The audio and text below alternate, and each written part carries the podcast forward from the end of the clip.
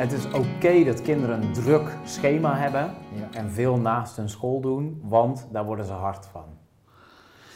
Ja, ik weet niet of ze er hard van worden. Ik denk op een bepaald vlak dat ze daar wel eh, eh, vaardig in worden. Eh, en als je kijkt met de schema's die we hebben, leren ze daar wel het meest van. Als je enerzijds zegt van oh, ze moeten rustig en beschermd, hè, of die helikopterouder die boven hangt en alles in de gaten houdt, of die, die, die. En uiteindelijk zijn ze toch los. En ze duiken dan, of ze gaan in Tibet op die berg zitten, ja, dan maakt het niet uit.